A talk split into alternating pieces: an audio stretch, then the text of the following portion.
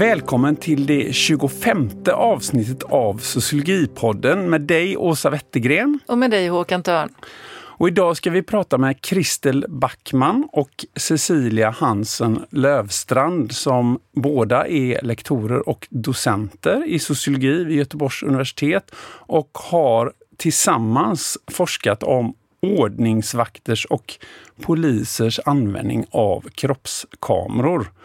Och det är alltså på kort tid vår tredje avsnitt som handlar om digitalisering och vilken betydelse detta får för samhället, forskningen, jobbsökeriet och även nu då övervakning. Ska du eh, ge oss lite bakgrund, Åsa? Mm.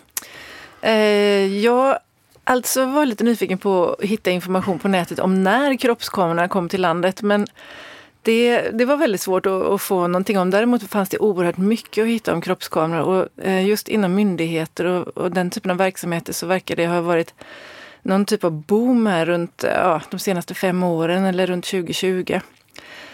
Och så om man googlar så ser man då att polisen, ordningsvakten, SJ, kollektivtrafikens biljettkontrollanter, alltså SL och Västtrafik och så, de har liksom kastats över det här och generellt så är motivet ökad trygghet. Och man får också upp en hel del privata företag som ägnar sig åt att utbilda, undervisa och så vidare om bruket av kroppskameror. Och sen så såklart så är det ju privata företag som kränger kroppskameror. Och det finns tydligen mindre avancerade varianter för allmänt bruk också som verkar kanske eventuellt ha föregått det här fenomenet att det Kan man köpa på Biltema? Ja, säkert. Ja, utan tvekan. eh, så jag, jag, tänker att som så mycket annat på det här området så verkar det vara en teknikdriven utveckling då. Um, det finns och det tillverkas och då skapas också en efterfrågan. Um, men det finns såklart begränsningar då i hur de får användas. Och som ett stort exempel på, um, på sista tiden så är, fick då SL i Stockholm, de använde kameror för sina biljettkontrollanter. Men det ledde, har lett till att de nu har fått böta 16 miljoner för att deras användande strider mot dataskyddsförordningen enligt beslut från Integritetsskyddsmyndigheten som tidigare hette Datainspektionen. Då. Eh, och det handlade då om för lång tid som de spelade in. De fick vara max 15 sekunder. Och så var det just att de inte hade informerat om att de hade ljudinspelning på. Det kunde de, kunderna liksom, eller resenärerna kunde inte förvänta sig att bli inspelade när de pratade, eh, menade då Integritetsskyddsmyndigheten.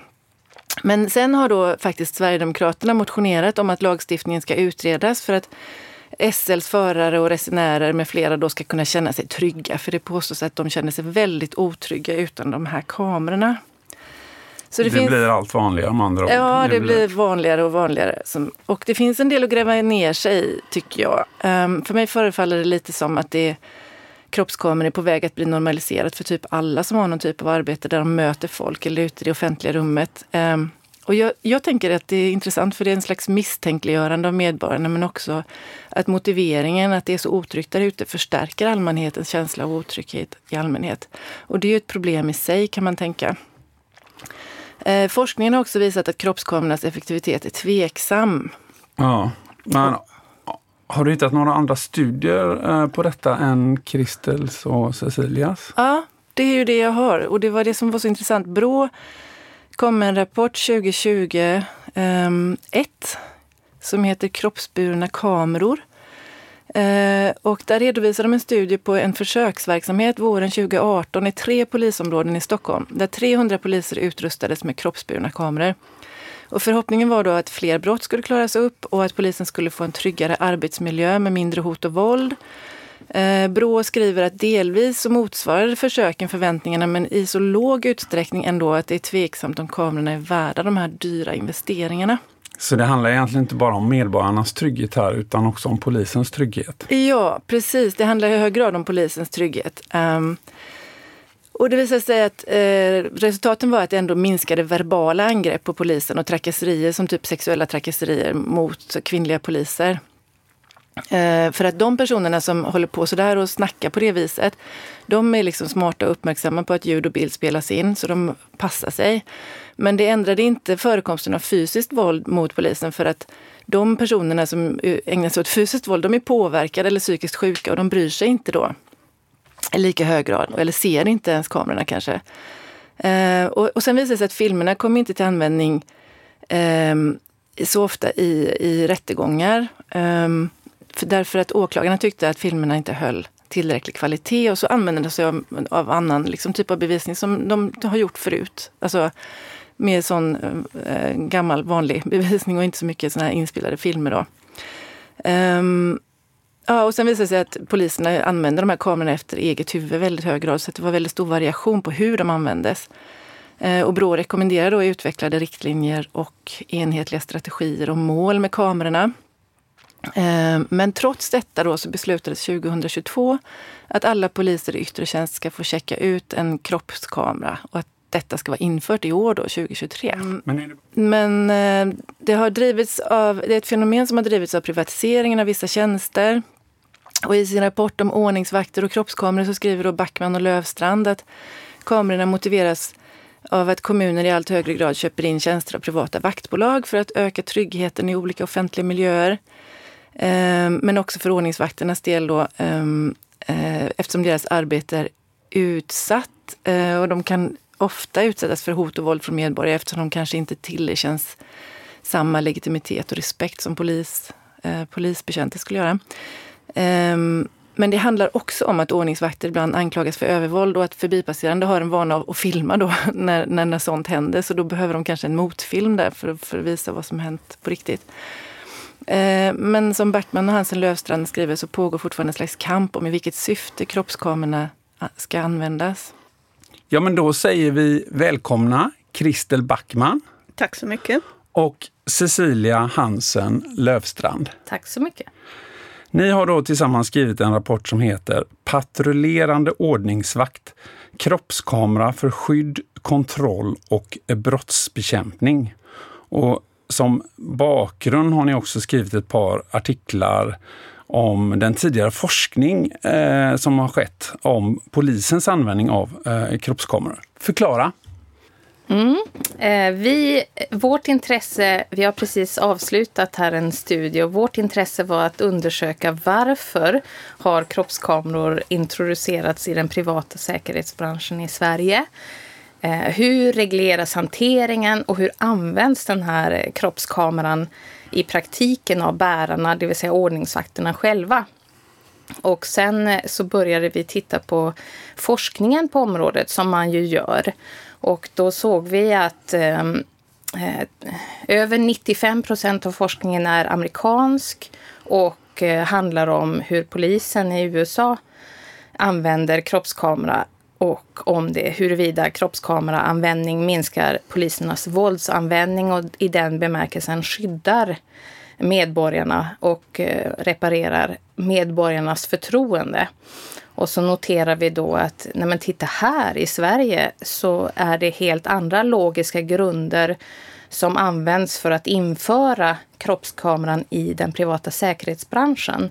Nämligen det omvända förhållandet där, som handlar om att skydda ordningsvakter från hot och våld från eh, allmänheten som man stöter på.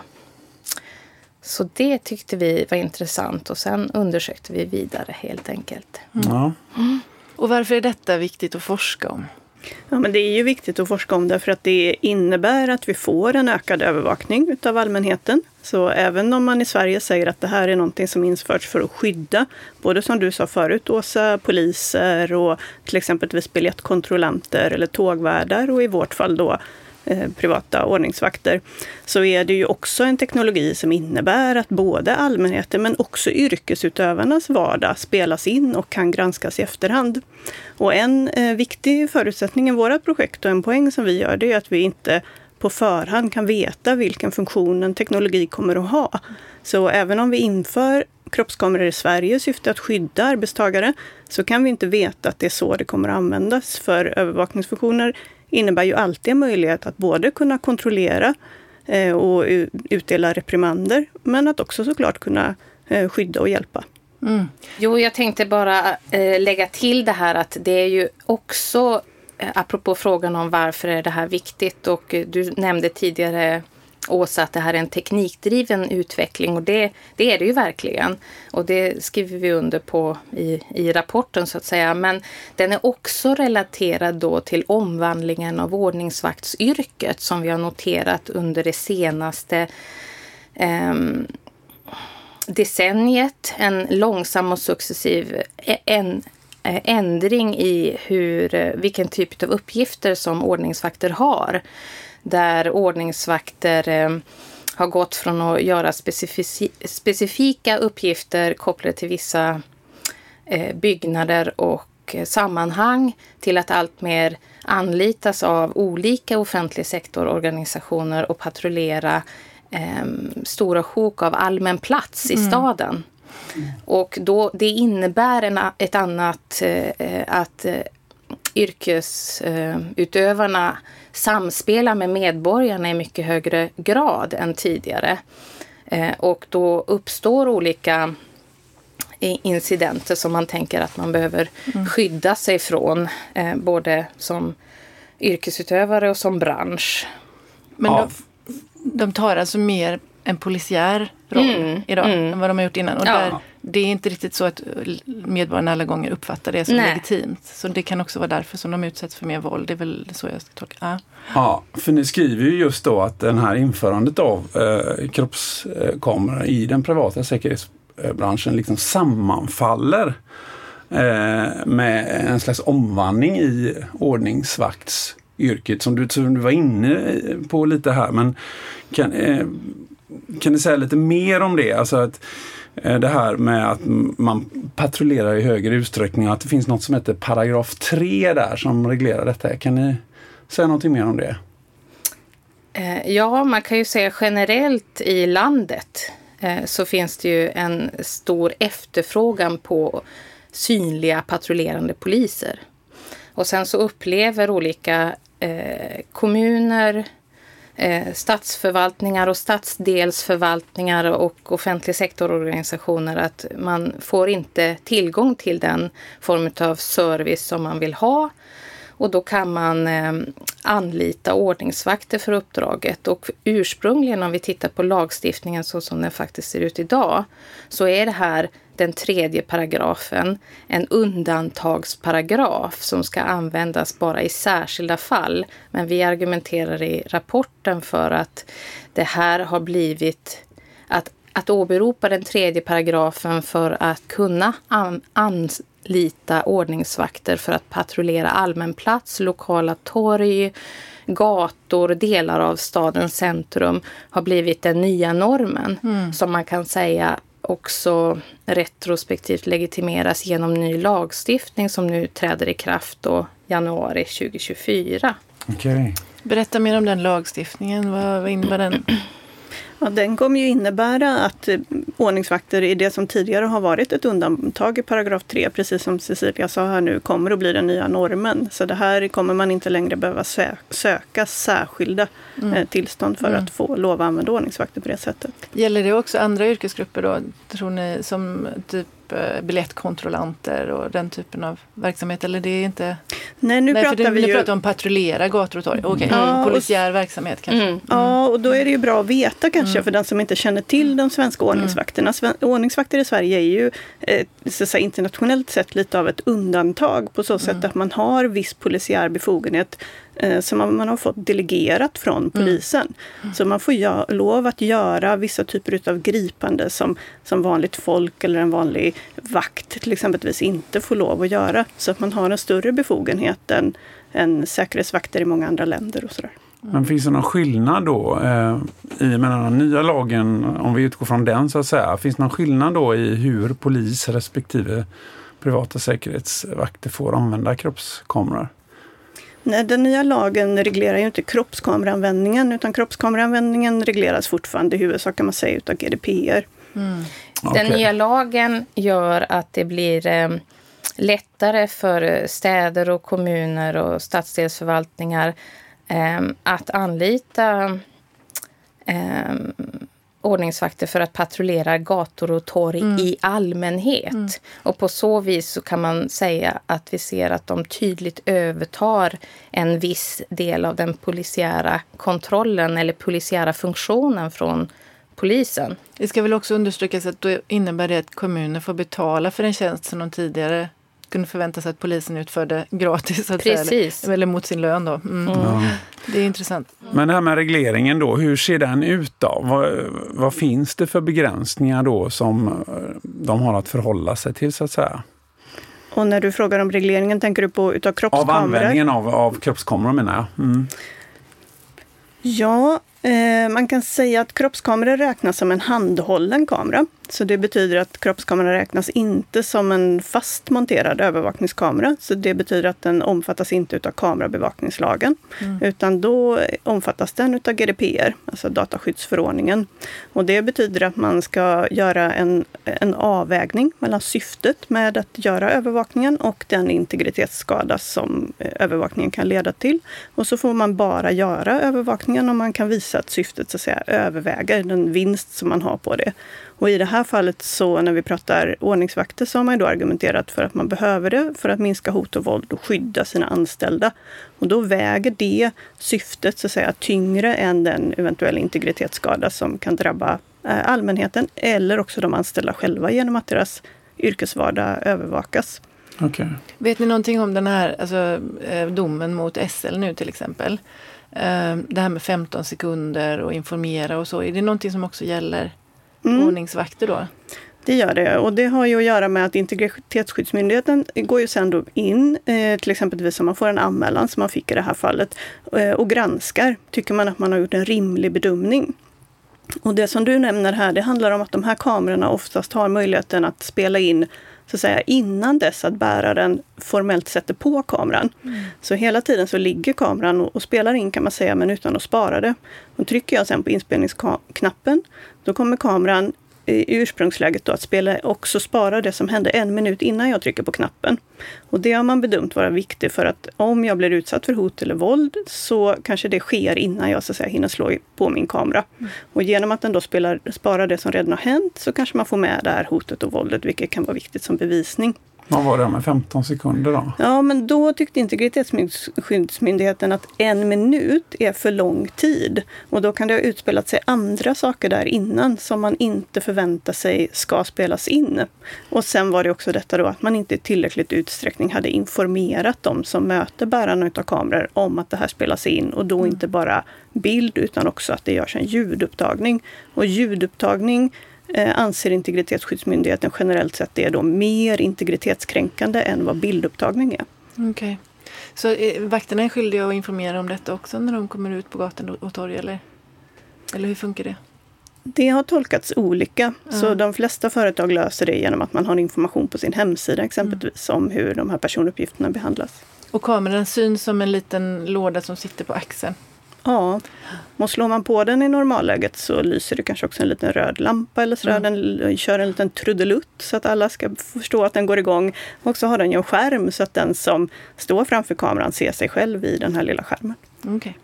Men bara så jag förstår det här med 15 sekunder, så då, enligt den här domen då så är det egentligen en slags 15 sekunders gräns där då? För att när de får slå på den så att säga, Uh. Hur länge kameran, liksom, programmeringen i kameran, hur länge den får tillåta att det som har hänt innan också sparas innan jag har tryckt på knappen. Okej. Okay. okay. Men kan ni, um, för att lyssnarna ska få liksom en bild, hur, kan ni säga någonting mer hur det går till? Liksom? Hur, kan det, eh, hur kan det gå till när en säkerhetsvakt bär en kroppskamera och, och, och, vad som händer, i, eller när det händer någonting så att säga. Vad ser man på de här filmerna? Det måste vara ändå ganska roddiga bilder. Jag tänker de använder inte så mycket i, i rättegången, i alla fall 2020 eh, där. Nej. Eh, ja, hur det går till. Kameran spelar ju in det som eh, finns i kamerans eh, synfält, så att säga. Det som sker framför ordningsvakten. Eh, och det eh, som vi skriver i mm, rapporten så ser vi att det kan gå till på olika sätt. Men dess ursprungliga den ursprungliga intentionen var ju att eh, använda kameran eh, när, man, när eh, vakten själv bedömer att det är på gång, situationen är på gång att bli hotfull. Eh, då sätter man på kameran och då använder man funktionen att skärmen, bild, kamerans bildskärm speglar det som sker framför vakten. Så att, och nu får man hänga med här, för tankekedjan var då att den allmänhet som vakten interagerar med ska kunna se sig själv i, i skärmen eh, som en spegel och eh, avbryta sitt som, eget beteende. Ah, det blir det som en var, slags emotionshanteringsfunktion där. Den ska liksom reglera sig själv. Precis, ja. det var det ursprungliga mm manuset eller scenariot som man såg framför sig att så ska det fungera. Och då, lugn, och då tänkte man att det skulle finnas då den här civiliserande mm. effekten att allmänheten som vakten interagerar med lugnar ner sig och då kan också vakten själv lugna ner sig så att det, det in, situationen eskalerar inte och det blir inget våld eller hot Eh, det, det, var det ursprungliga tanken då. Så när vakten känner att uh, nu jag, måste jag göra en intervention här, så trycker jag igång kameran? Mm. Ja. Det, är tank, det var tanken. Ja, tanken. Mm. Men, låter det som att det finns ett men här? Ja, det finns ju många andra men. Eh, till exempel så, kunde vi, så kan man ju se att eh, man kan ju också använda den här speglingsfunktionen i skärmen även om eh, även för att till exempel eh, undvika att människor eh, yppar sig på ett ne negativt mm. sätt eller sneglar negativt. Eller för att eh, utan, för att förmå människor att flytta, flytta bort sig från en mm. plats utan att själv behöva säga verbalt till eller, mm.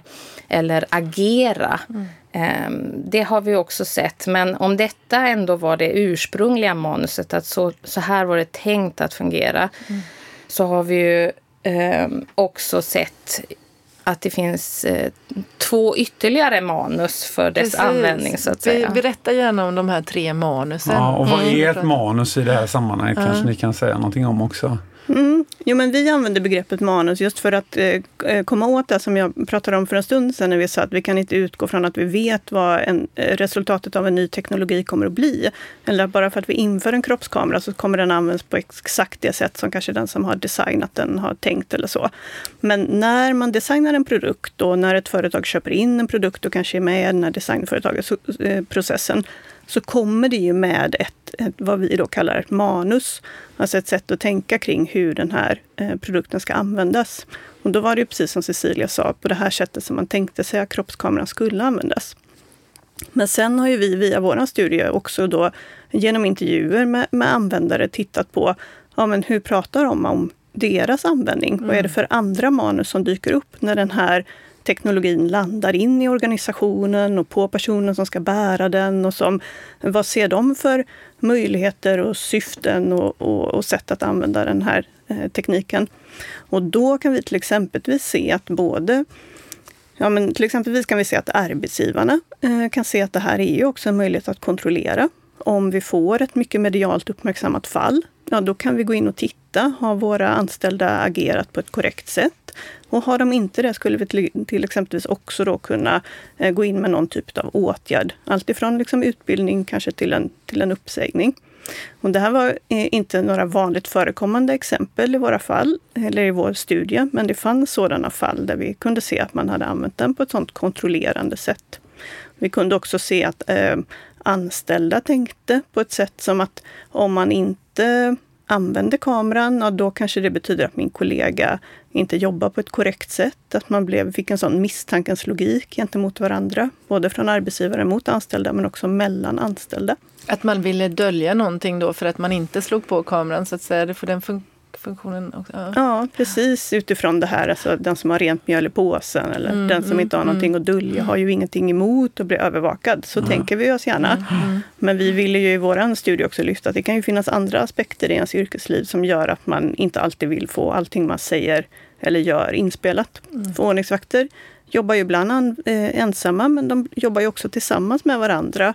Och det betyder att om en i, i en grupp eller ett par har en kamera så blir ju den andra kanske också synlig i blickfånget. Och det man säger och det man gör syns eh, och hörs. Mm. Och då kunde vi se, och vi har också sett i internationell forskning, att det kan påverka hur man agerar och vad man, hur man upp, eh, upplever att man behöver eh, ja, men, göra för att en senare granskare, en försvarsadvokat till exempelvis, inte ska ifrågasätta det jag har gjort. Så man behöver tänka lite fler steg också egentligen på hur det här kommer att användas. Mm. Mm. Cecilia? Och då har vi varit inne här på egentligen, vi sa ju här att det, vi har urskilt tre övergripande manus. Och då har vi varit inne på det första som handlar om att skydda ordningsvakten mot, eh, från hot och våld. Och det andra som handlar om arbetsgivares lust att eh, när det ändå är på plats kontrollera vad anställdas beteende i tjänst. Och sen har vi då det tredje, ett slags eh, brottsbekämpande manus. Okay. Mm. Och det tänker jag, där har vi kopplingen till omvandlingen av ordningsvaktsyrket. Mm. Och där kan vi också se en ambivalens i, i, i beskrivningen av varför ska vi ha ordningsvakter som patrullerar eh, allmän plats i våra städer. Där det kan beskrivas i termer av trygghetsskapande, brottsförebyggande. Men det kan också beskrivas i termer av att återta det offentliga rummet från kriminella grupperingar. Mm. Och då blir ju fokus ett annat. Och då har vi också sett att det tredje manuset är mer inriktat på eh, en syn på själva yrkesutövningen och då användandet av kroppskameran som någonting som eh, handlar om att hjälpa polisen och rättsväsendet att klara upp brott och, och eh, eh sätta dit eh, kriminella. kriminella. Mm.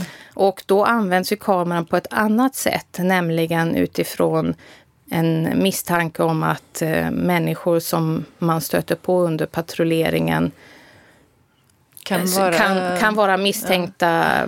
eller bör kollas upp så att då börjar man filma kanske för att eh, sena, med förhoppningen om att man eh, senare ska kunna hjälpa till att tillhandahålla bevis för brott. Till exempel om man skulle se någon utväxla någonting som skulle kunna Precis. vara narkotikahandel mm. när man går förbi eller mm. så. Då kan man sätta på kameran fast ja. det inte är någon intervention egentligen då. Precis, och det är det, det, det är det sammanhanget som vi då också stöter på de här ehm, eh, vakternas upplevelse av att inte erkännas som en legitim del i ordningsmakten i samhället. Mm.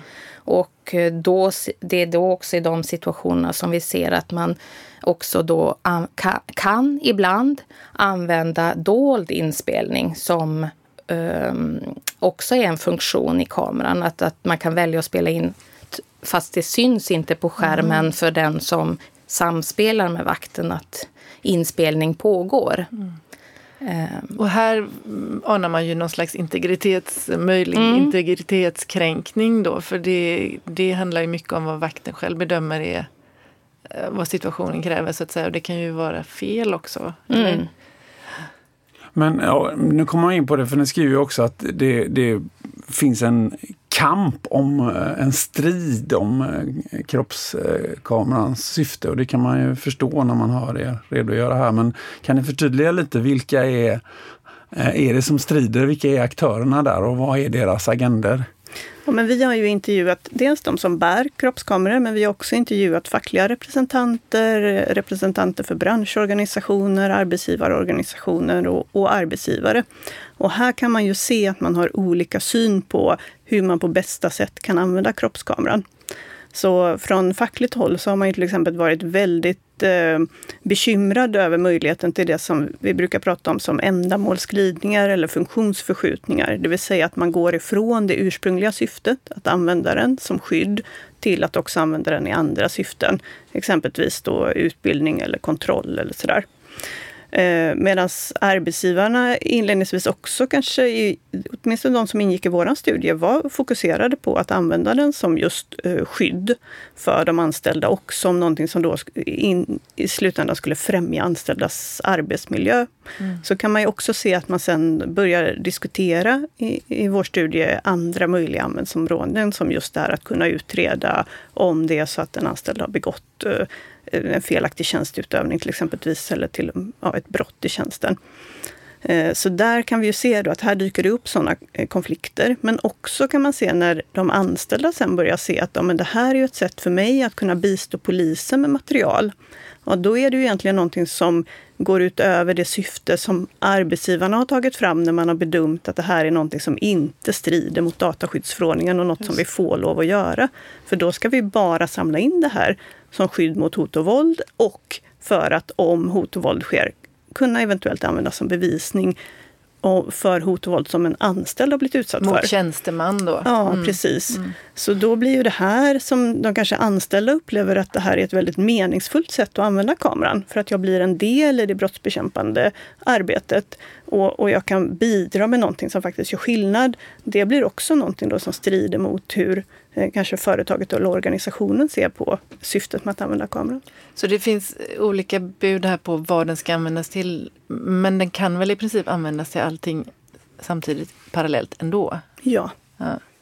Och jag har en fråga också angående det här med Brå. De, hittade, de sa ju att åklagare använder inte det här materialet så mycket. Är det fortfarande så? Eller har, har det blivit bättre kvalitet? Eller har de på något vis, jag tänker åklagare har ju en startsträcka så att, så att eh, det kan ju ta tid för dem att vänja sig vid att det här materialet finns, tänker jag. Mm. Då skulle jag vilja svara på det att det vet vi inte riktigt än. Eh, eh, in, det som var var att när vi hade gjort den här studien så ser vi att varför sparar då säkerhetsföretagen dessa inspelningar? Jo, men det är med en förhoppning om att de kan komma till användning. Ehm, men då är man väldigt tydlig med, åtminstone de två företag där vi har gjort vår studie, att enda anledningen till att man lämnar ut, skulle lämna ut en film det är för att det finns en pågående förundersökning och då kan man lämna ut till polisen. Men som svar på frågan, vi vet inte i vilken utsträckning bild och film från kroppskamera används i rättsprocessen. Men det anknyter till vår vidare forskning eh, där vi nämligen eh, ska undersöka hur bild och film från kameraövervakning generellt används och kommer till användning eh, under hela processen från förundersökning till dom. Mm. Eh, så det är ett eh, område som vi ska forska vidare om. Och det, är, det intressanta i det också är, om man pratar om övervakning i samhället i en vidare bemärkelse och kamerabevakning eller kameraövervakning, så Eh, har det också att göra med att när vi började få kameraövervakning i Sverige, och då oftast med de här fasta kamerorna som sitter i taket eller När var sådär. detta ungefär? Ja, det, det är... Tror vi liksom, ungefär? Så pratar vi 10-20 år? För jag tänker kamerorna har ju ändå funnits med ett tag, eller hur? Ja, men jag skulle säga 2000-tal. Uh som vi börjar se det lite mm. mer. Vi var ju mm. länge väldigt restriktiva i Sverige och upplevde också kameraövervakning som väldigt integritetskränkande. Mm. Eh, till skillnad från andra länder, England till exempelvis, där man har mycket större acceptans för den. Eh, men på senare år så har vi också fått en större acceptans för allmän kameraövervakning i Sverige. Men inledningsvis när vi började med det i Sverige så ville man ju ha kameraövervakning för att just det skulle vara brottsförebyggande. Mm. Men i takt med att studier kom in som visade att kameraövervakning har väldigt liten brottsförebyggande effekt. Då fick vi ett skifte i den politiska diskursen kring kameraövervakning som gjorde att man istället började prata om det som någonting som skulle vara trygghetsskapande och göra att människor kände sig ja, men tryggare på allmän plats för att man vet att om det händer något så blir det filmat och så. Ja. Men sen har ju studier också visat dels att det är extremt svårt att undersöka människors mm. upplevelse av trygghet och vad som påverkar det. Men också att vi inte riktigt kan se att kameraövervakning ger den effekten.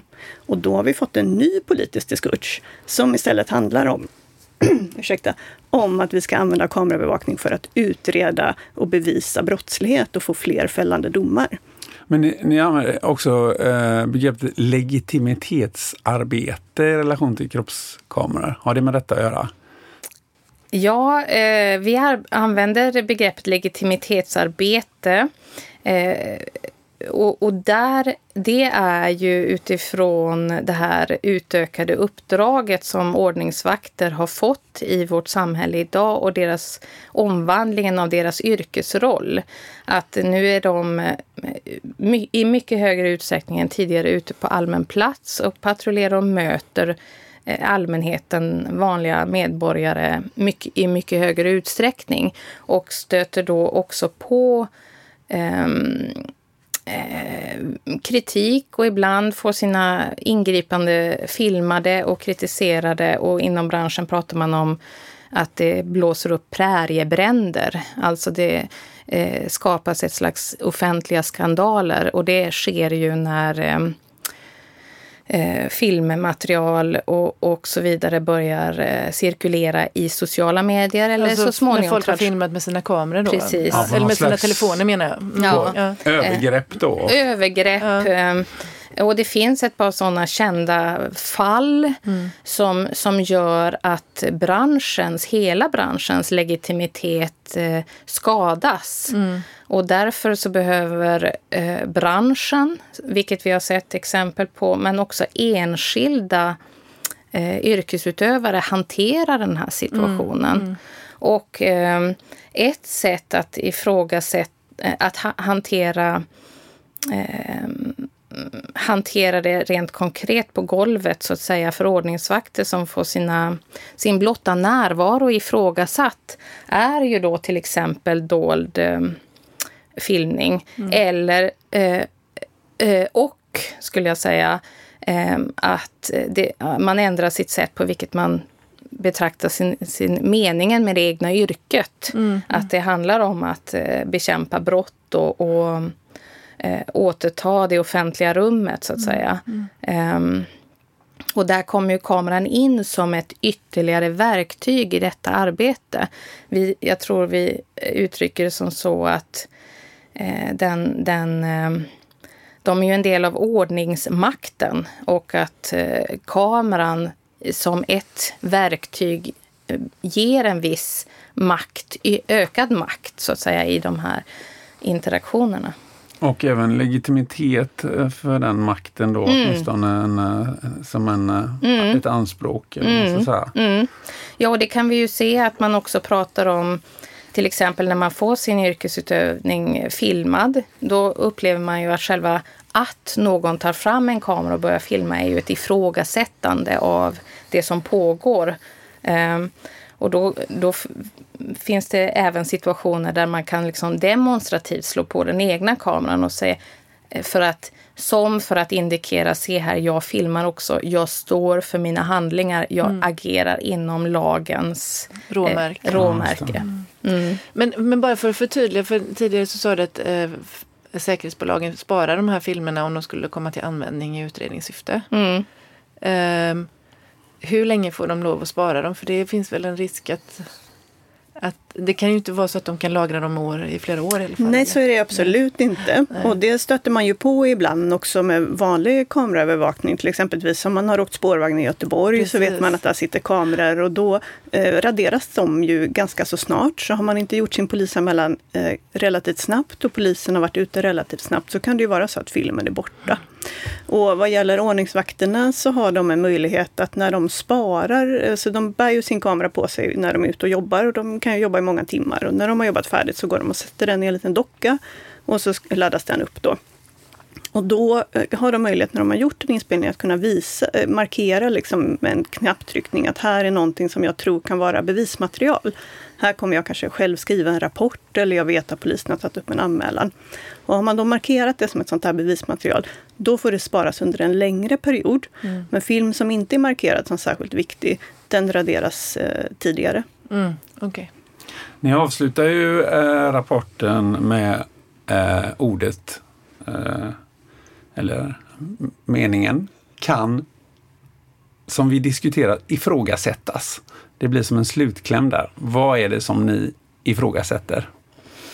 Ja, då skulle jag säga att eh, det är eh, ehm, eh, inställningen att eh, filma i förebyggande syfte.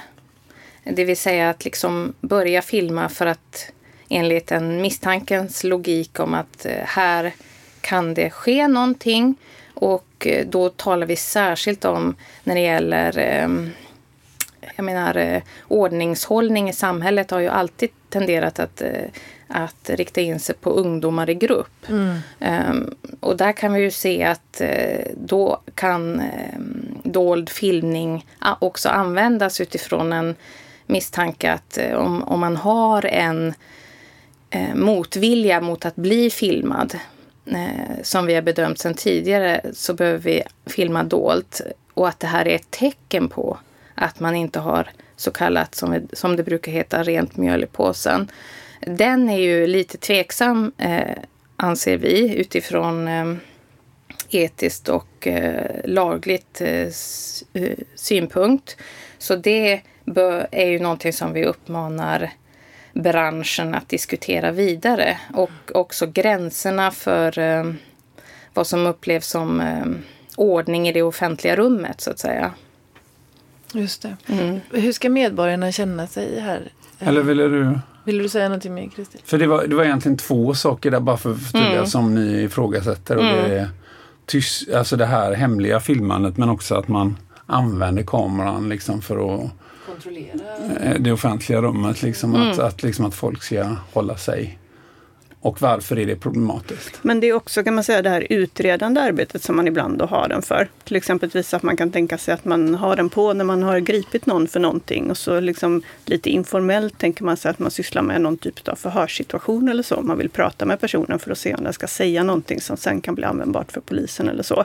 För även ordningsvakter har, liksom, eh, de har lov att gripa folk? Ja, de har ju lov att gripa folk. Eh, men det här liksom lite förhörsliknande som man kanske sysslar med sen, det är ju inte inte egentligen någonting som ligger på ordningsvakterna utan ordningsvakterna ska ju så säga, när de har gripit någon, då ska de skyndsamt överlämna personen till polisen. Mm. Men det här skyndsamt kan ju beroende på vad polisen har att göra komma att handla om flera timmar innan polisen kommer till platsen för att ta över eh, personen. Mm. Och i den här nya lagen så vill man ju komma ifrån det genom att låta ordningsvakterna faktiskt få lov att transportera personen till eh, polishuset exempelvis mm. istället för att eh, hålla kvar dem på den plats där de är. Men det här då med att eh, det offentliga rummet, det är det ni säger att det ligger inte i deras uppdrag att eh, kontrollera medborgarnas rörelser eh, i det offentliga rummet med hjälp av en påslagen kamera? Nej, därför att det som vi har sett oss, i vår studie, och som man också har sett tidigare i studier när man har tittat på hur man använder övervakningskameror till exempelvis på tågstationer eller utanför shoppingcenter och sådär det är att man kan se att man går ganska snabbt ifrån att använda det för att eh, ingripa vid våld eller brottslighet i, på andra sätt, narkotikahandel eller eh, fickstölder eller sådär, till att börja använda det till att flytta på folk som man tycker är liksom lite allmänt störande, mm. som inte riktigt hör dit, som kanske inte ser ut som att de är där för att resa eller konsumera eller så, utan lite mer hänger på platsen eller ja, är en person som man tycker stör den härliga känslan för de andra som är där. Och då har vi kunnat se att då kan man använda kameran också som en del i det här arbetet med att få folk att känna att man inte riktigt är välkommen mm. på mm. allmän plats. Och det är ju problematiskt på så sätt att det är en allmän plats och man har lov att uh, vistas där och vara där. Det är inte bara så att man måste vara där i konsumtionssyfte till mm. exempelvis. Mm. Så, så min, min fråga är också lite grann hur, har ni någon uppfattning om hur medborgarna uppfattar detta? För ska vi som medborgare känna så här att vi är i princip hela tiden bevakade när vi rör oss på platser där det kan finnas ordningsvakter? Eh, och, och, och, känner vi oss tryggare av detta eller, eller vad tror ni? Det är liksom lite en variant på den här avslutande frågan egentligen. Ja, vad, vad, vad, ska, kan, vad kan eh, lyssnarna ta med sig här i, den, i sin vardag? Alltså Internetstiftelsen släppte ju sin senaste rapport här för bara några veckor sedan och visade att en klar majoritet av svenska befolkningen tycker ju att kameraövervakning på allmän plats är eh, någonting som man efterfrågar och också kameraövervakning med hjälp av artificiell intelligens eller ansiktsigenkänning. Och det är idag en ganska liten procentandel i de här undersökningarna som svarar att man upplever att det är integritetskränkande. Mm. Och jag tycker själv när jag undervisar om det här med mina studenter så är det ofta så att man på den spontana frågan tycker att det är oproblematiskt att bli övervakad på det här sättet. För jag har ju rent mjöl i påsen. Studenterna tycker så? Ja, mm. men om de sen får i uppgift att gå ut och faktiskt uppmärksamma alla tillfällen under ett par dagar då de eh, övervakas på olika sätt och där spår från dem digitalt eh, sparas i vårt samtida samhälle så skapar det oftast en, en viss känsla av obehag ändå. Mm. Det är lite det man kan ta med sig då från er forskning, att uh, tänka igenom uh, alla aspekterna av vad det innebär att uh, vi har kameror som övervakar de offentliga rummen. Är det så? Jag skulle nog säga att vi bör ta med oss att kameror aldrig enbart har ett syfte. De mm. kommer aldrig enbart vara skyddande till exempelvis, utan de har också möjligheten att, att, så att säga, samtidigt vara både potentiellt skyddande och potentiellt kontrollerande. Och hur de kommer att ut, användas och vilken effekt de kommer få kommer det väldigt stor sannolikhet då, eller det kommer ju vara så, det vet vi som sociologer, ha att göra med vilken position du har i samhället. Etnicitet, klass, mm. könstillhörighet och, och liknande. Mm. Vill du lägga till något avslutande ord där, Cecilia? Ja, men det skulle väl vara vad tar man med sig? Det, det är ju som du har varit inne på, Kristel, att eh, eh vi, och, och, som vår studie visar att eh, kameran kan införas i ett syfte och komma att användas i helt andra syften. Mm. Och att det om någonting är väl en viktig påminnelse för oss alla nu när det pågår också en... Regeringen har lanserat en stor kamerasatsning och det här är ju inte bara kroppskameror inom säkerhetsbranschen utan frågan är ju väldigt bred som handlar om eh, användningen av kameror mm. i olika syften i vårt samhälle i stort. Mm. mm. mm. Just det. Ja. Men då vill vi tacka er, eh, Cecilia och Kristel. Tack för att ni kom och tack för att ni berättade om den här superspännande forskningen. Ja, tack så mycket. Mm. Tack så mycket. Tack. Hej då. Hej då. Och nu är det dags för vårt boktips. Håkan, yeah. idag är det du som har valt. Ja, jag har valt en bok som heter Övervakningskapitalismen vid maktens nya frontlinjer och den är skriven av Shosanna Zuboff. Okej, okay, vem är Shosanna Zuboff? Hon är Eh, professor emerita vid Harvard Business School. Det betyder att hon är pensionerad vill jag bara ja, jo, jo. Men det betyder ja. å andra sidan att hon fortfarande arbetar med ja, tanke på hur tjock ja, den här boken är. Hon har tidigare skrivit två väldigt uppmärksammade böcker där hon väldigt tidigt diskuterade eh, teknologiska förändrar, eh, förlåt, teknologiska förändringar och hur de på ett grundläggande sätt förändrar våra liv. Och i den här boken då övervakningskapitalismen som kom 2021 så analyserar hon hur megaföretag då, som Google och Facebook representerar en ny fas i kapitalismen. Eh, mm. som kommer med nya former av exploatering och inte minst övervakning. Då. Mm. Och det är många års arbete som ligger bakom den här och det är som jag sa en, en ganska tjock bok. Jag måste bara säga att eh, den har fått jättemycket uppmärksamhet och Sadie Smith då som är en väldigt eh, känd författare, känd författare mm. i England och bra författare. Hon har sagt att detta är den viktigaste boken som kommer att publiceras detta århundrade. Ja, det får man det? ju tänka att det, det, är stort att utnämna den till det. Ja. Eh, men jag tänker att den är som sagt oerhört viktig. Har du något citat? Ja.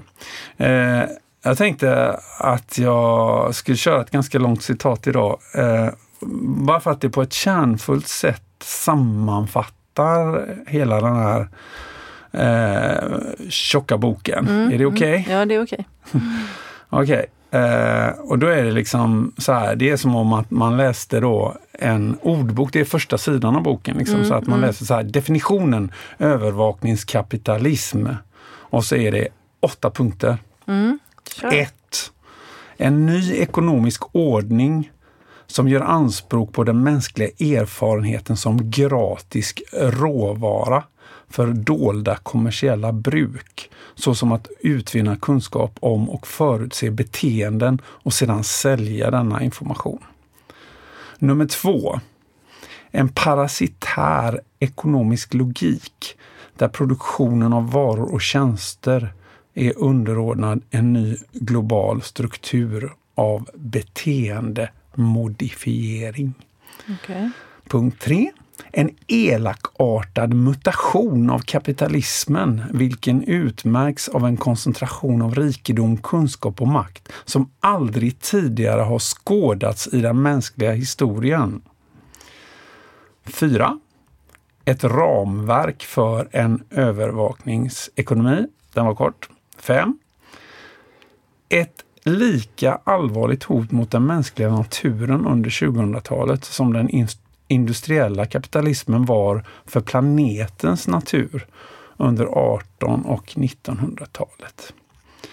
Punkt 6. En ny instrumentär makt som vill ta kontroll över samhället och som utgör en otrolig utmaning för marknadsdemokratin. Punkt 7.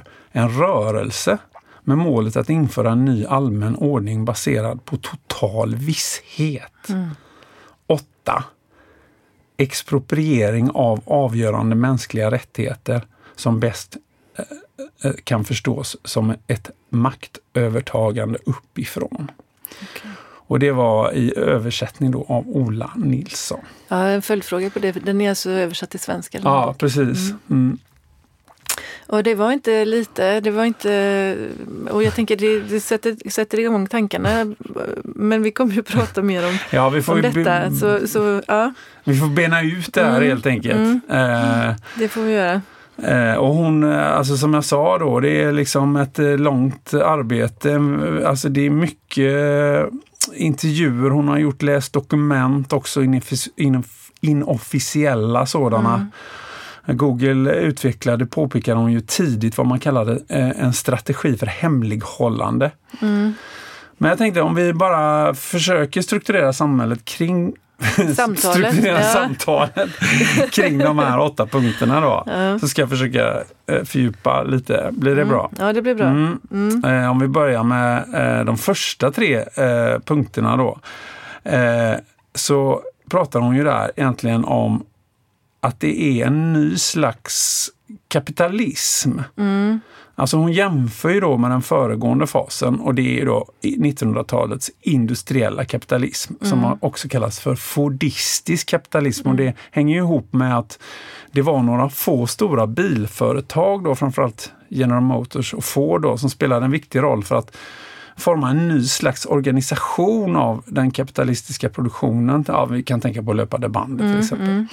Som också var ett nytt sätt att ansamla kapital och skapa förutsättning för en alltså långsiktig ackumulation av kapital. Det som kallas då, det finns ett begrepp för det, ackumulationsregim. Mm. Och hon menar att vad vi ser nu är en ny sådan eh, ackumulationsregim och precis som Ford och General Motors då var drivande i, i den tidigare så är det Google och Facebook och några till som spelar en central roll för att forma ett nytt sätt att ansamla kapital. Då. Och det är alltså då den här mm, parasitära ekonomiska logiken och den elakartade mutationen av kapitalismen som vi har pratat om här. Precis. Då. Eh, jag tänker vi, vi känner igen en del eh, från den här boken eh, som vi diskuterade i avsnitt 22 och även eh, den som vi diskuterade i avsnitt 24, alltså Max Day och Fux. Um, mm, det. Där det var genomgående då fanns en oro för hur, också faktiskt mycket forskning då, för de var ju också empiriskt baserade de här böckerna. De, de talar ju liksom rakt in i, i, i um, vad heter hon, Suboff, Suboffs eh, forskning också. Ja, ja. Alltså en genomgående oro för hur den nya digitala tekniken drivs och hanteras av multinationella företag för privat vinning och en urspårad kapitalackumulation. Och ett återinförande av det som eh, jag tror Fuchs kallade för slaveri som omedvetet eller självgenererat eller genom det här omedvetna eller självgenererade gratisarbetet på ja, som ja, vi precis. brukare av internet liksom Jo men det är, det, är, mm. det är precis så mm. egentligen som, mm. som Suboff också tänker kring detta. Jag kan mm. säga någonting om den teoretiska utgångspunkten just för detta då. För att Mm. ja, hon använder sig faktiskt rätt mycket av sociologiska klassiker som både Weber och Durkheim, Mm. men kanske framförallt Marx då. Och hans teori om primitiv ackumulation. Och eh, det begreppet har att göra med att Marx ställde sig frågan eh, hur vi ska tänka kring att eh, det existerar slaveri samtidigt som kapitalismen har etablerats. För att eh, alltså kapitalism eh, den grundläggande formen för arbete där är ju lönearbete. Ja, så att det. det är ju grunden för Mm. så här, den exploateringen av arbetet. Då.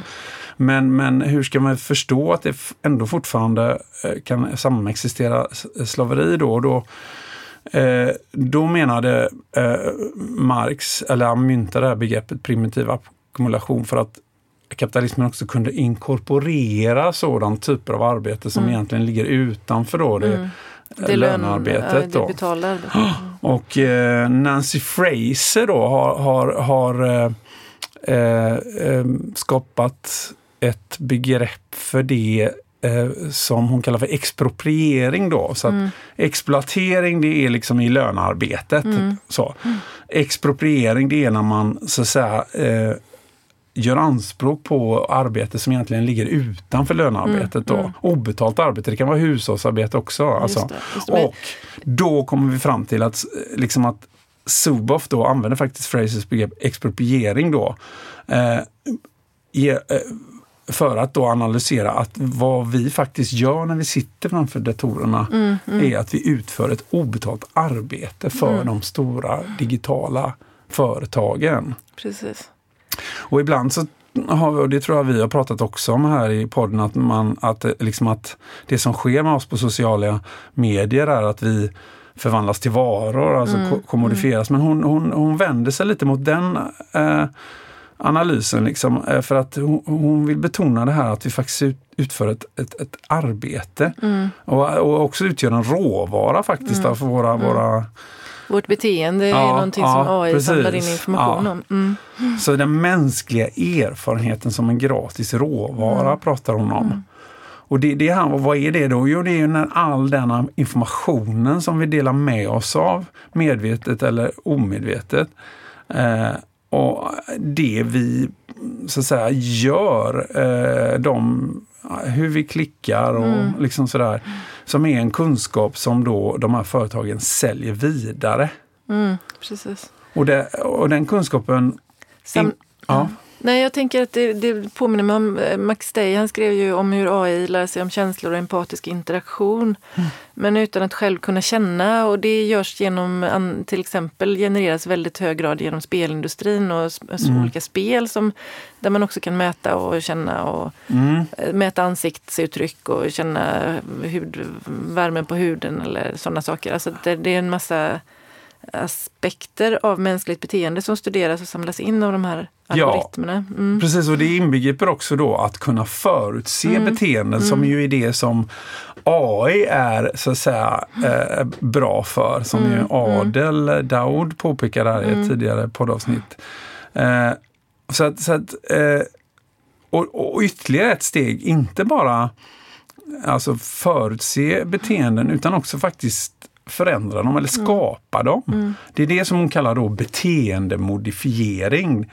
Och ett, ett, litet exempel på detta som ändå är eh, illustrativt är ju Nintendos Pokémon Go. Mm. Jag vet inte om våra lyssnare är bekanta med det, men är du bekant med Är det? det där man skulle gå ut och leta efter olika Pokémons? Ja, och så skulle man döda dem och så fick man poäng. Ja. Och man gick och tittade i mobilen men man rörde sig ute i det offentliga Ja, rummet. Och, man, och den, eh, så mobilen ledde en till olika platser då. Mm, mm. Där det virtuellt fanns en Pokémon som man kunde Mm, döda. Då, mm. eller, och, och, men som Suboff visar då, så kunde den leda en till en McDonalds-restaurang. Mm, eller, Bara sådär? Ja, sådär. Mm, mm. Så det var så sättet som, det sättet som, som, som eh, liksom Nintendo kunde styra eh, användaren, hur de rör sig och. Ja. sälja det då sen. Mm, Och det är, liksom, det är en liten modell för den stora modellen som Mm. eh, Suboff menar att de här företagen arbetar med då. Mm. Och eh, hon pra- pratar om två viktiga förutsättningar som har liksom möjliggjort den här utvecklingen. Och för det första är det ju att den här teknikutvecklingen har sammanfallit med och gynnats av den nyliberala politikens avregleringar. Och här har ju också de här stora företagen som Google lagt ner oerhört mycket tid och resurser för att bedriva kampanjer mot mm. alla försök att ens börja diskutera regleringar. Mm. Utan att självreglering ska vara normen då. Mm. Och, och, och Zuckerberg, Mark Zuckerberg då, alltså eh, Facebook, eh, han har ju dessutom flertal gånger offentligt försökt lansera idén om att integritet har slutat att vara en samhällsnorm. Vi behöver ingen integritet nej, längre. Nej. nej det, är, det är ja. bara för de som är kriminella. Mm. Och allt detta sker ju då i namn av frihet. Det är ju liksom nyliberalismens credo och det är också de här techföretagens credo. Liksom. De, är, de kommer med frihet till medborgarna. Alltså jag känner mig lite gaslightad här för jag tycker att det är sån glidning på ord. Liksom. Mm. Trygghet och frihet. Um, det blir plötsligt eh, väldigt dubiösa ord. Ja, verkligen. Mm. Uh, men här, här kan man också då tänka på att uh, de här företagen då försöker rida på den här optimismen som fanns från internets tidiga dagar.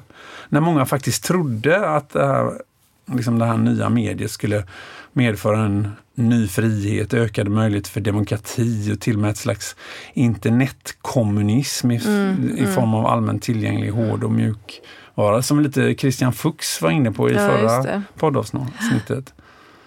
Precis. Mm, han, Eh, han trodde i alla fall att det skulle fortfarande vara möjligt. Eh, men, ja. men eh, genom någon typ av reglering så skulle man kunna återta internet som ett commons. Egentligen. Ja, just det. Ja, han trodde ju, för han skrev ju inte riktigt i den här begynnande fasen men Nej, han trodde ju ändå fortfarande ja. på möjligheten. Då. Det var några år på nacken. Mm. Mm. Men, och, och, och, och, Google och Facebook försöker ju också upprätthålla illusion, den här illusionen då. Och framförallt just genom att de exproprierar den kan man säga, ja. den här visionen om ja, the commons. Ja, precis.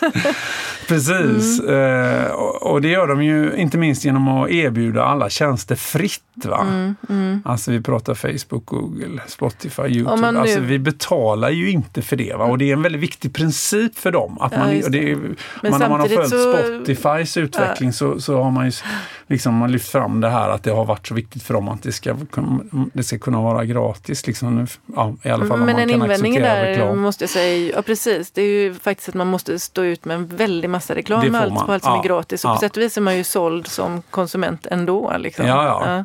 Jo, nej, men det är ju själva eh, mm. poängen som Subuff mm. gör, att det, här är ju en illusion den här friheten. Mm. Liksom. Mm. Det är skenbart. Mm. Och, alltså, så det här, och det här är ju då en affärsmodell som har skapat enorma rikedomar. Då, för att citera punkt 3 där, en koncentration av rikedom, makt, kunskap som aldrig tidigare skådats. Då. Mm. Eh, och den totala frånvaron av reglering är ju faktiskt häpnadsväckande när man tänker på det. Mm. Ja, eh, det är faktiskt det trots alla medgivanden vi måste bekräfta varje gång vi går in på en, på en sida. Liksom, eh. Och vem orkar läsa? Exakt. Det, man klickar ju bara ja och så går man vidare. Ja, exakt. Och, och hon har faktiskt, tycker jag, oerhört talande eh, eh, data om, om, om just detta. Alltså, mm. eh, hon, hon, citerar en studie om just det här med användaravtal. Då. Du vet när du får köpa en ny mobil. Ja, då. Eh, så, så visar det att 75 procent av användarna gick till, användarna gick till anslut direkt. Så om det står där att telefonen avlyssnade i hemlighet ja, så skulle du inte då. veta om det? Nej, Nej. Precis. Och, och, resten av, alltså övriga 25 procent, de ägnade i genomsnitt 14 sekunder åt att scrolla mm, eh, mm. genom uh, det här avtalet. Medan forskarna då konstaterar att det skulle ta 45 minuter att läsa. För en normal avtalet. läsare ja. då. Mm. Men sen ska man väl säga att det har ju förekommit lagstiftning Eh, alltså reglering av cookies i USA redan 2001 eh, mm. och så mm. EU då införde GDPR. Mm. Eh, men det har varit ineffektivt för när, när, EU införde GDPR då flyttade Google i tysthet sitt huvudkontor för användarantal då från Irland, alltså inom EU, till U, ja. U, mm. USA. Då, liksom. Så att de kan fortsätta att samla in ja, data på ett sätt som precis. strider mot GDPR. Mm. Precis.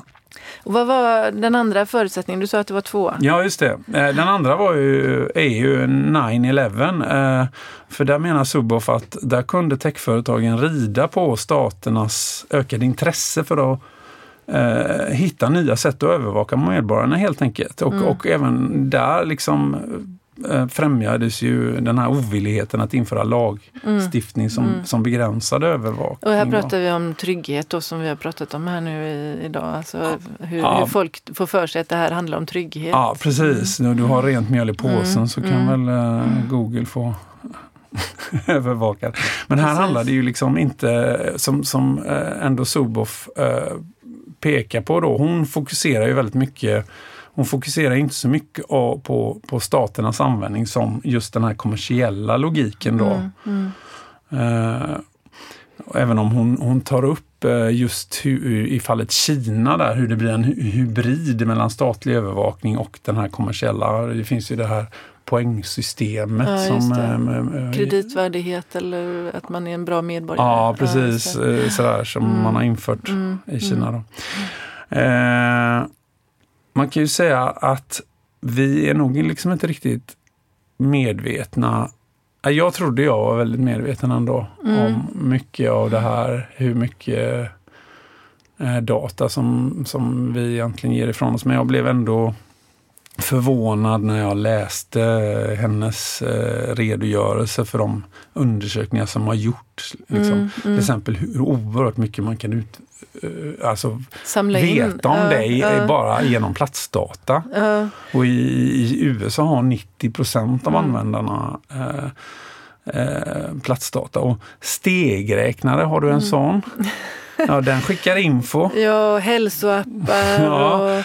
Och det Ehm. finns exempel på när stegräknarinfo används i en rättegång. Mm. Och alltså dina hälsoappar, eh, det kan man sälja till försäkringsföretag. Nu har vi ju där sjukförsäkringen är inte så stort i Sverige, men i USA är det ju det. Och likadant eh, så... Men jag kan inte, jag har ju suttit med på, på rättegångar där de har använt sig, det har varit avgörande faktiskt att man har kunnat läsa av att en telefon har lämnat en lägenhet vid en viss tidpunkt och så. Ja. Som man har sett genom att man, telefonens plats, platsmarkeringar då. Ja. Men en av de mest eh, eh, som, som jag eh, studsade på, det var ju när hon redogör för hur det var en vild budgivning mellan olika techföretag för att få tillgång till nyproducerade bilars paneler, alltså de här smarta panelerna då. De kan registrera allt du gör i bilen. Inte bara vad du säger, utan hur du säger dig, hur du säger det, hur du rör dig när du kör och pratar och vilka känslor du uttrycker. Och det är då värdefull information som kan säljas vidare till, till försäkringsbolag som ju kan vara intresserade av att justera din försäkringspremie då beroende på hur du betö, bet, beter dig liksom, och kör eh, med din bil. Liksom. Alltså jag tänker också på det här, för min aha-upplevelse när det handlar om att vi bara är liksom eh, någon slags eh, objekt som studeras och eh, som eh, då de här AI-modellerna lär sig otroligt mycket om mänskligt beteende genom att samla in data från alla de här skärmarna. Det fick Ja. jag ju när jag läste Max Day faktiskt om emotional AI. Eh, och där var det ju just det här med också bilar och bilpaneler och Mm. eh, hushållsrobotar och p- ljud och alltså hur, hur röster låter när någon är snäll och glad och ledsen eller arg. Alltså Ah, ah, massa, och det var helt absurt alltså. Och jag, jag känner mig helt luttrad nu Ja, redan alltså, ja. av att ha läst detta. Och jag tänker att allt man gör, allt man interagerar med nätet är ju att tillhandahålla information. Liksom.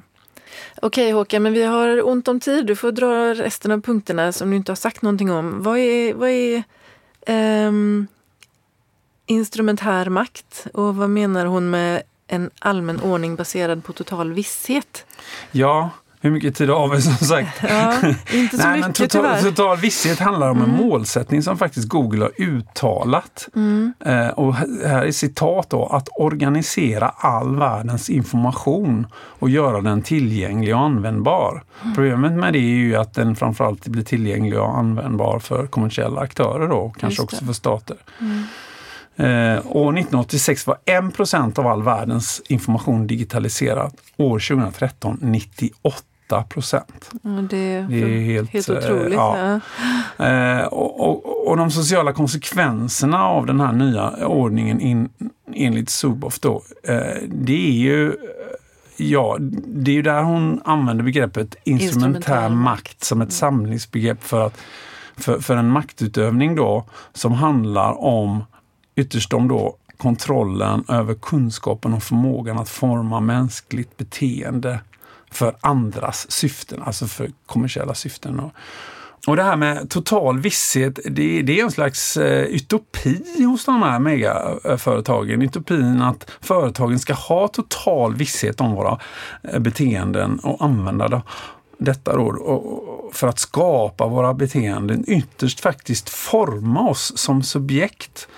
Att bli lydiga textslavar och konsumenter av de produkter som designat åt oss då baserat på den här beteendemodifieringen. Och det är ju i förlängningen av detta då menar Zuboff som den instrumentära makten utgör ett lika allvarligt hot mot den mänskliga naturen under 2000-talet som den industriella kapitalismen var för planetens natur under 18 och 1900-talen. Den hotar helt enkelt att underminera våra grundläggande eh, så att säga, rättigheter eller expro- expropriera våra rättigheter helt enkelt och hotar vår grundläggande frihet.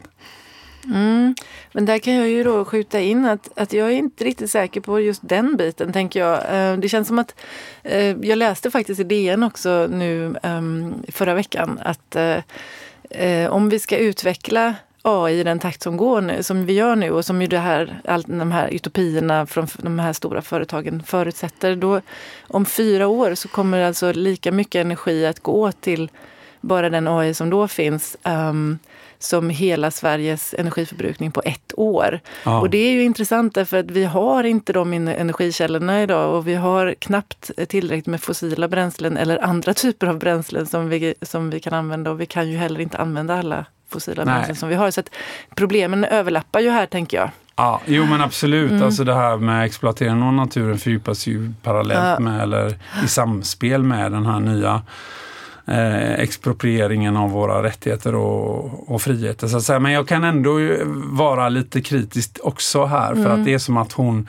hon har en eh, socialliberal utgångspunkt att, att vi har friheter, att vi är födda fria med grundläggande rättigheter och, och så vidare.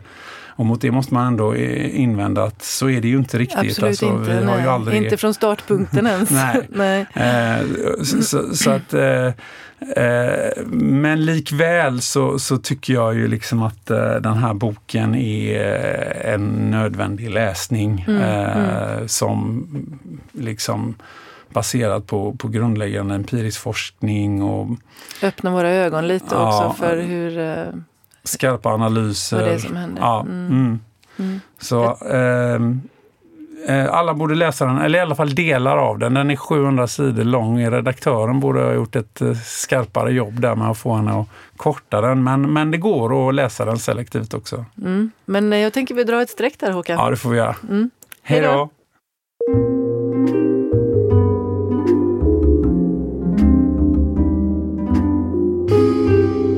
Den här podden finansieras med stöd av Adolf Bratts föreläsningsfond och av Institutionen för sociologi och arbetsvetenskap vid Göteborgs universitet.